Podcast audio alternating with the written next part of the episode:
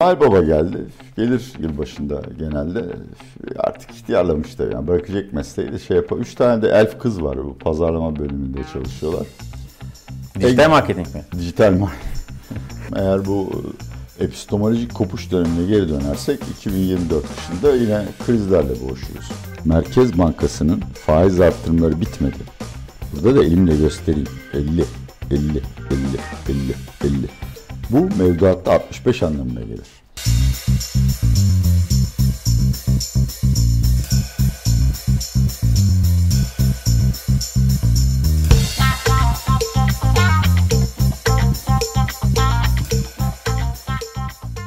...2024'ün ilk gününde merhaba.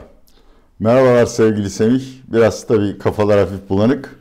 Ama bütün izleyicilerimize, bütün Türkiye'ye, bütün Homo sapiens ve Neandertallere daha mutlu bir 2024 dilemek istiyorum buradan müsaadenle.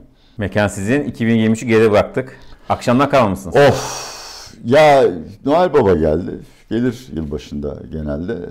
Artık ihtiyarlamış da yani bırakacak mesleği de şey yapar. Üç tane de elf kız var bu pazarlama bölümünde çalışıyorlar. Dijital marketing mi? Dijital marketing. Eggnog olayıyla başladık. Bu eggnog bilmez tabii benim gibi çok uzun süre Amerika'da yaşamayanlar. Bizim boza diyelim onun sıcağı içine de biraz ram katıyorlar şey alsın diye. Ondan sonra eggnog'u bırakıp direkt ramla yolumuza devam ettik. Ondan sonra bu arada hediye bıraktık. Ha, bize de mi yoksa? Evet evet evet ben bütün Türkiye'ye vermek Çok istiyorum. Noel Baba size bunu getirdi sevgili arkadaşlar.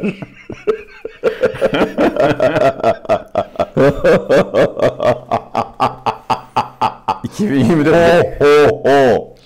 2024 bereketiye geldi. Ha, bu evet bu yani bu bu yayın bir şekilde demontize edilecek. Bundan Evet. eminim ama yolumuza devam edelim. Şimdi Atilla 2023'e gelirken çok umutluydunuz. Çok e, umut doğuydunuz, neşe doğuydunuz. 2024'te yine neşeye devam ediyor. Umutlu musunuz? Değişik sebeplerden dolayı. 2023'e girerken Türkiye milleti, halkımız ve bütün artık hangi etnik gruplar temsil ediyorsa onlar için mutluydum. Çünkü samimiyetle artık Erdoğan rejiminin sona ereceğini düşünüyordum. Tabii elimizde ama Noel, Noel Baba getirdi hediyeyi. 2024'e girerken Türkiye ekonomisinin düzeleceğini anlamında umutluyum. Krizler dönemini geride bırakacağız ama sokaktaki Ayşe'nin ya da Ahmet'in bunu hissetmesi belki yıl sonlarına doğru olur. Ama tabii para işletenler ve Türkiye'ye yatırım yapmak isteyenler açısından 23'e nazaran çok daha iyi bir yıl olacağını %100 eminim. Peki işler sarpa sar- sarabilir mi 2024'te? Ya dünya öyle bir yer ki her an sarpa sarabilir. Yani işte bu Brent petrol 50 dolara düşecek dedik. Hutiler saldırdı. Yarın Trump seçilir. Şu olur bu olur ama yani bu belirsizlikler her zaman var. Bilinmeyenlerin de ne olduğunu biliyoruz az çok. Dolayısıyla satmayacak. Türkiye'ye geldiğimizde yani sürekli böyle bir Mehmet Şimşek, Gaye Erkan gidecek e, ya da etkiler ellerinden alınacak şeyi var. E, korkusu ya da saplantısı var ya da böyle olmasını isteyenler var. Ben bunu, göremiyorum çünkü yani Sayın Erdoğan açısından bakarsak gayet kullanışlılar ve sözlerinde yerine getiriyorlar. Umdukları boyutta başarı sağlamasa da oldukça şeyi düzeltmeyi becerdiler. 2024 yılında eğer Fed karar değiştirmezse bütün dünyada Türkiye gibi ülkeleri olan yatırım yapma iştahı artacak. Bu da çeşitli kanallarla belki yayın içinde bahsederiz. Böyle ekonominin kılcal damarlarına kadar yayılacak. Ama dediğim gibi yani sokaktaki insan ne istiyor? İş istiyor. Enflasyon belasından kurtulmak istiyor. Bunlar istikrar programlarında olmaz. Öyle bir istikrar programı yok. Yani onu kesinlikle aklımızdan çıkartalım. Önce bir bedele dönecek. Ama 2024 yılında yolumuzdan sapmazsak 2025 yılının çok daha iyi olacağını şimdiden söyleyebilirim. Sokaktaki insan açısından. Gözlüğün nasıl bu arada? Hı? Gözlüğün nasıl gözlük? Gözlük abi harika yani hani gülmemek için elimden geliyor ama yakışmış sana. Clark Kent'e benzemiş. Teşekkür, teşekkür ederim. Çok sağ ol. Yalnız ren geyiklerinden uzak dur. Onlar anlamayabilirler senin onlardan olmadığını. E, 2023'te şimdi ilk de bunda program önce konuşmadık. O yüzden e, düşünme fırsatınız da olmadı ama 2023'ün kazanan 3 ismini bana söyler misiniz aklınıza gelen? 2023 yılında kazanan üç isim. Bir, Erdoğan. Değişmiyor zaten istemiyor. iki Putin.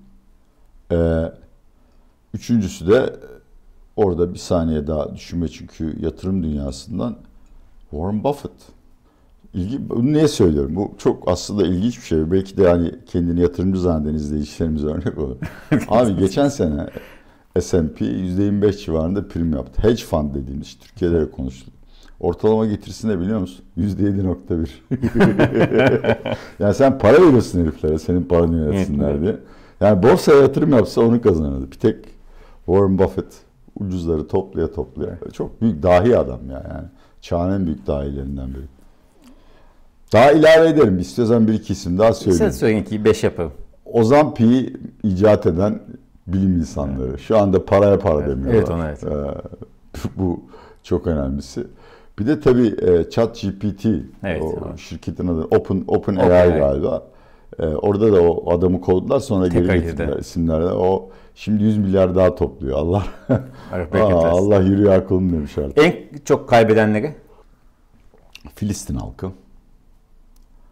Genelde kişi değil yani 2023 yılında insanlık son 10 yılda sefaleti ve açlığı ortadan kaldırma konusunda kat ettiği mesafeyi geri verdi abicim. Ve bir daha da onu geri alamayacak. Dünyanın en zor 10 yılı başlıyor. Dünyanın her yerinde 800 milyondan fazla insanın eksik gıda ve beslenme sorunu olduğunu düşünüyor. Ee, ben 2024 yılında bunun daha da artacağı düşüncesindeyim açıkçası. Peki baş kaybeden isim olarak? Kemal Kılıçdaroğlu. Ee, ben her zaman Kemal Bey'i kişi olarak takdir ettim. Siyasi davranışlarından yana. Böyle e, veda etmeyi hak etmiyordu. En azından daha onurlu bir şekilde. Kendi hatalarında büyük rolü var. İkincisi de Meral Akşener. Ben Meral Akşener'in 2025 yılında Türkiye'de siyasi sahnede olacağını zannetmiyorum. Bunu çok üzülerek söylüyorum. Gerek kadın siyasetçiye ihtiyacımız var. Gerek partiyi önceden konumlandırdığı yerde e, ihtiyacımız var. E, en son olarak da Biden ve demokratlar ve onlarla birlikte bütün dünya kaybedecek. Çünkü Trump yeniden seçilecek. Onu 2024'te soracağım lütfen. 2023'te kara. Ki oğlum 2024 çıkartacak mı bu ihtiyar diye sorsana. Yani en o zaman hemen yani Kendimiz, kendimi sayacaktım en büyük kaybı. Neyini kaybettin? Kişiliğini kaybettin, paranı kaybettin, spor yapma gücünü kaybettin, artık içemiyorsun, kumar oynayamıyorsun. Bu sene kimseyi vuramadım.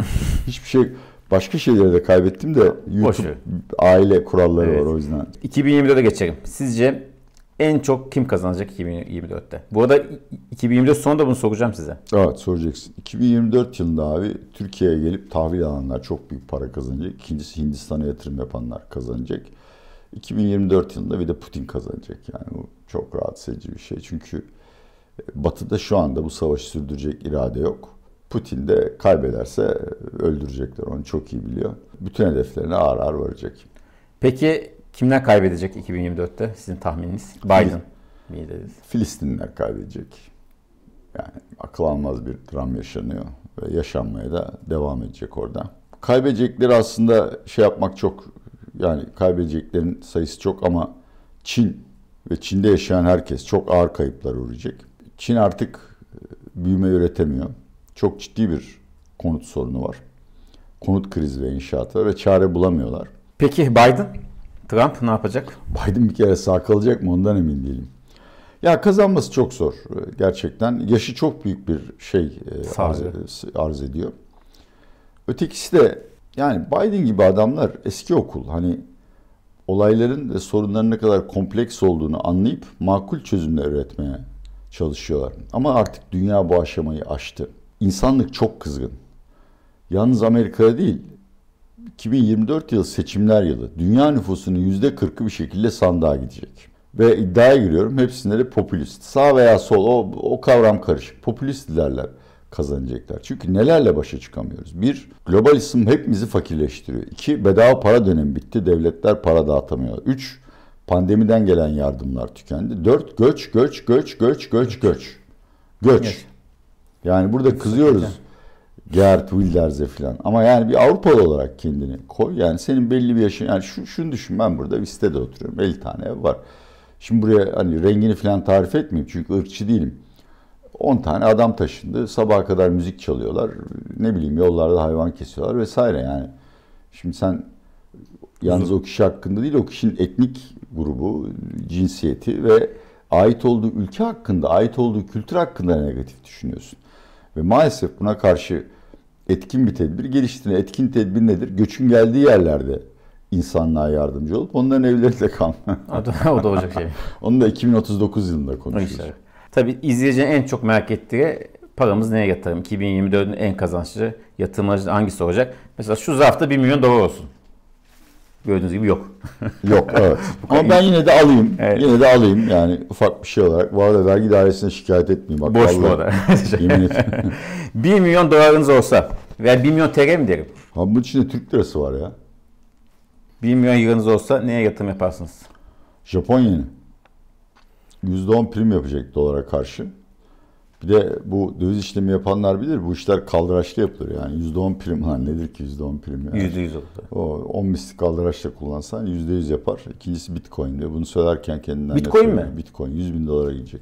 Çok basit bir sebepten. Niye diye soracaksın. Çünkü herkes böyle olacağını düşünüyor. Peki şimdi sıradan bir vatandaş e, sizin dediğiniz gibi işte yan aramaz, Bitcoin'e girmez.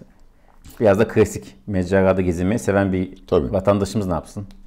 TL mevduat, aylık mevduat. Hiçbir şekilde her şeyinizi, bütün dolarlarınızı satın. Altınlarınızı satın. TL mevduata girin.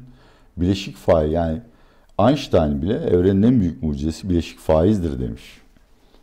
Yani siz ayda %4-5'ten sene sonunda %70'ten fazla faiz alacaksınız. Ve bir kez daha söylüyorum. Bir kez daha söylüyorum. Sizi uyarıyorum. Merkez Bankası'nın faiz arttırımları bitmedi. Burada da elimle göstereyim. 50, 50, 50, 50, 50. Bu mevduatta 65 anlamına gelir. 65'i 12'ye böl, stopajı çıkart. 12. üstüne al. Biraz Türkiye matematik seviyesi yani mevduat, TL mevduat. Başka hiçbir şey bilmiyorum. İkinci? O, e, hani ben şahsen param olsa borsada alım yaparım. Daha bence bir %10 falan düşebilir ama umurumda olmaz. Beklerim kademeli. Yabancının geleceği kağıtlara girerim. Çünkü o kağıtlar dolar bazında %50 prim yapacak.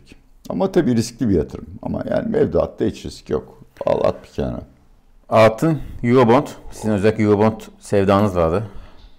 Ya var ama orada bayağı getiriler düşmeye başladı. Ee, yani şimdi şöyle bir manzara ile karşı karşıyasın. Sen Türk lirasında 70 kazandığında e, Eurobond'da 7 kazanıyorsun. Dolar bazında faiz. Ama dolar TL e, sadece %30 prim yapıyor. Demek ki %37 kazandın. Yani onun matematiği tutmuyor. Ha şöyle düşünebilirsin. Benim portföyümde ben %25'ini dövize ayırdım. Bunu değiştirmiyorum. Bu da makul. Ben böyle yapıyorum açıkçası. O zaman evet yani hala %7 verimle Eurobond yakalayabiliyorsan ABD'de önümüzdeki 5 yıl, 10 yıl vadeli tahvilin faizi 5'i kesinlikle geçmez ve muhtemelen 4 veya civarında kalır. E o zaman karlı bir yatırım yaparsın. Ya ben altını hep seviyorum, tutuyorum. Ama yani altın çok ağır prim yapan bir ürün. Ve açıkçası da e, altın bütün iyi gelişmeleri fiyatladı. Yani şu anda piyasada Fed'in gelecek sene 6 kez faiz indireceği fiyatlanıyor. E altın gitmedi yine. İşte 2100 evet. civarında takıldı. Yani altında bunu kişiye bırakıyorum. Yani biraz önce en büyük risklerden bahsettik. Ukrayna ve Gazze savaşlarının yayılması, enerji fiyatları ve yaptırımlar vasıtasıyla e, bütün dünyada depremin hissedilmesi. Eğer böyle bir senaryo bekliyorsan altın, yani altın şu anda artık Amerikan doları veyahut da ABD faizleriyle değil jeopolitik risklerle gidiyor. Jeopolitik riskin yükseleceğine inanıyorsan altın al.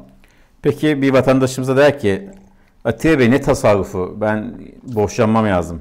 Biraz para ihtiyacım var. 2024'te bekleyeyim mi seçim sonrasını, yaz sonrasını veya hemen mi yapayım? Veya yapmayayım mı? Vallahi yani borçlanamayacaksın, vermeyecekler kredi zaten. Yani bu ekonomi yönetiminde tüketici kredilerini bitirme konusunda çok ciddi bir irade hasıl oldu. O yolu kapatacaksınız yani.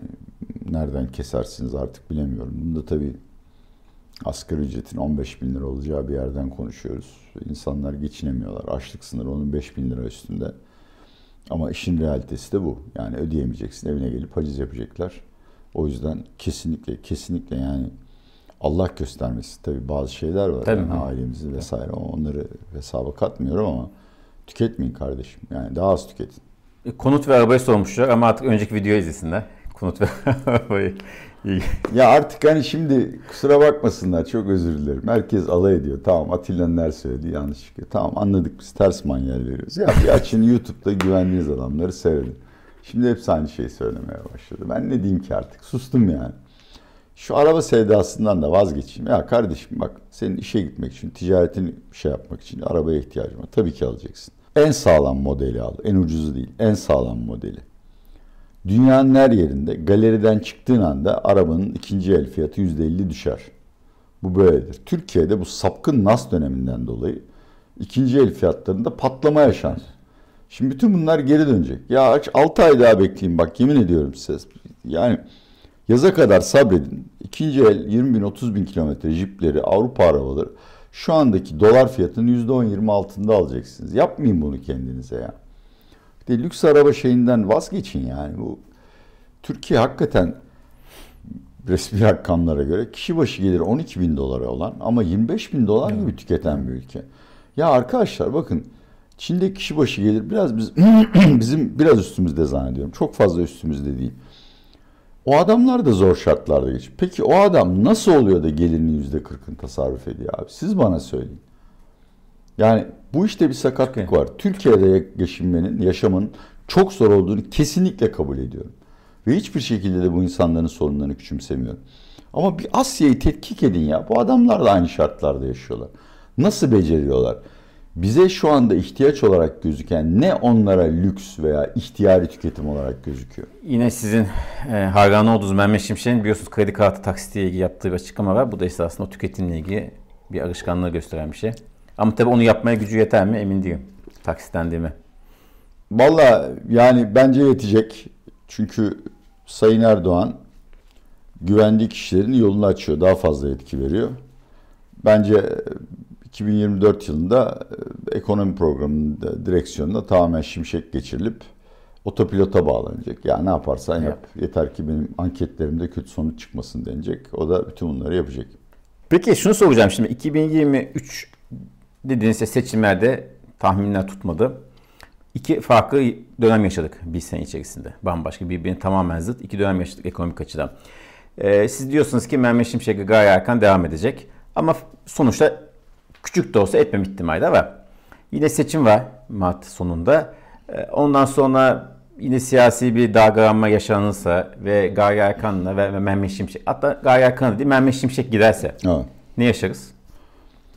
Ya tabii gitmesinin sebeplerini ve onun yerine ne geçeceğini düşünmek lazım. Eğer bu epistemolojik kopuş dönemine geri dönersek 2024 kışında yine krizlerle boğuşuruz.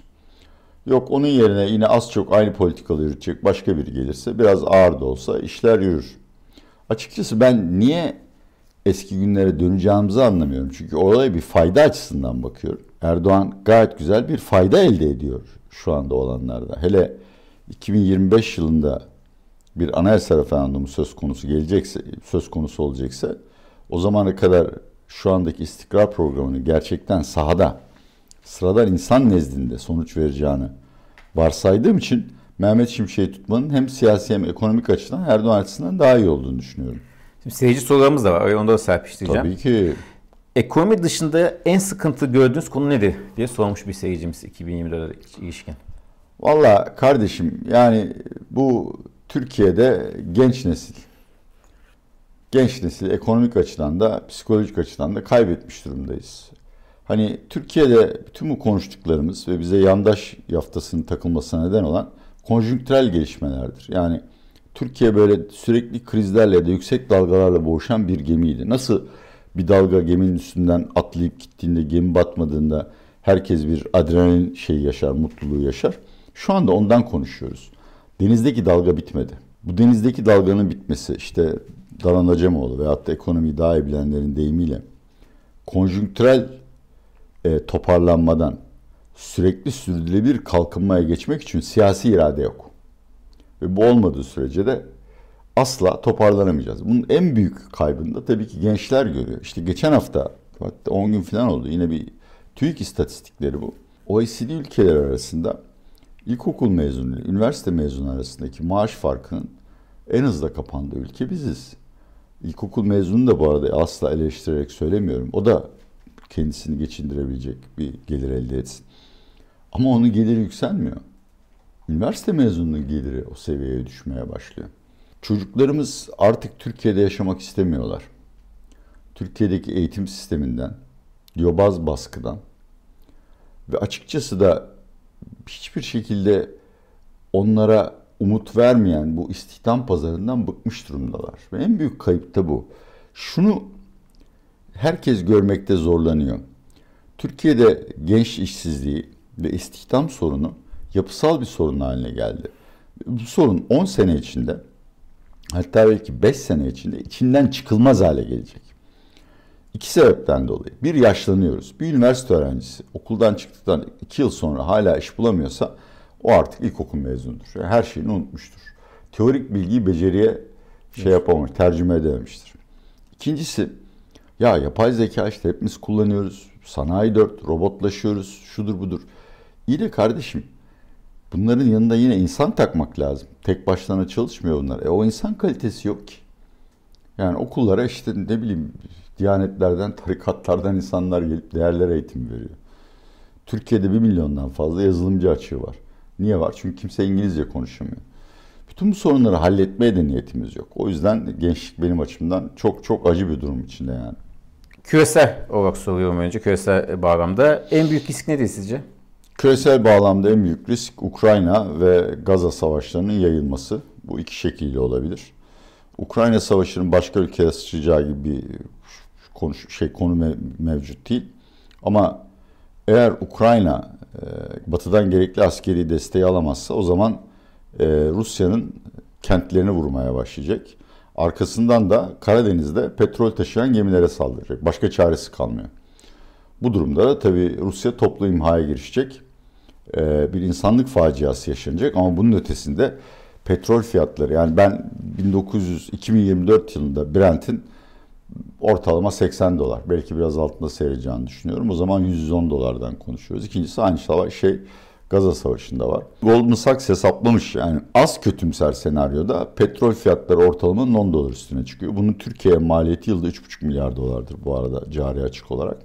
Çok kötü senaryoda 150 dolarları konuşuyoruz. O zaman da dünya ekonomisi evet. çöküyor. Merkez Bankası'nın Mart seçimlerinden sonra ek sıkılaştırma için izin arayabileceğini düşünüyor musunuz? Kesinlikle düşünüyorum. Çünkü yani hani şu sonuçlara bakıyorum. Erdoğan için faizler arttırmaz dendi. Arttırdı. Zararını da görmedi. Kimse de umursamadı. Hiçbir seçmen de vay sen niye faiz arttırıyorsun diye evet. nasla masa takan yokmuş evet. demek ki. Bu yüzden olacak. Yani ben e, parasal sıkılaştırmanın e, Merkez Bankası politika faizinin yüzde 50'ye varmadan kimsenin faiz indirimi konuşacağını düşünmüyorum bile. En, en az bak söylüyorum. En az yüzde 50. Göreceğiz. E, bu da e, ya sürekli göreceğiz yatırım... ya adam. Hakikaten ya bu takıntı yaratıyor bende ya. Benim bende de takıntı oldu.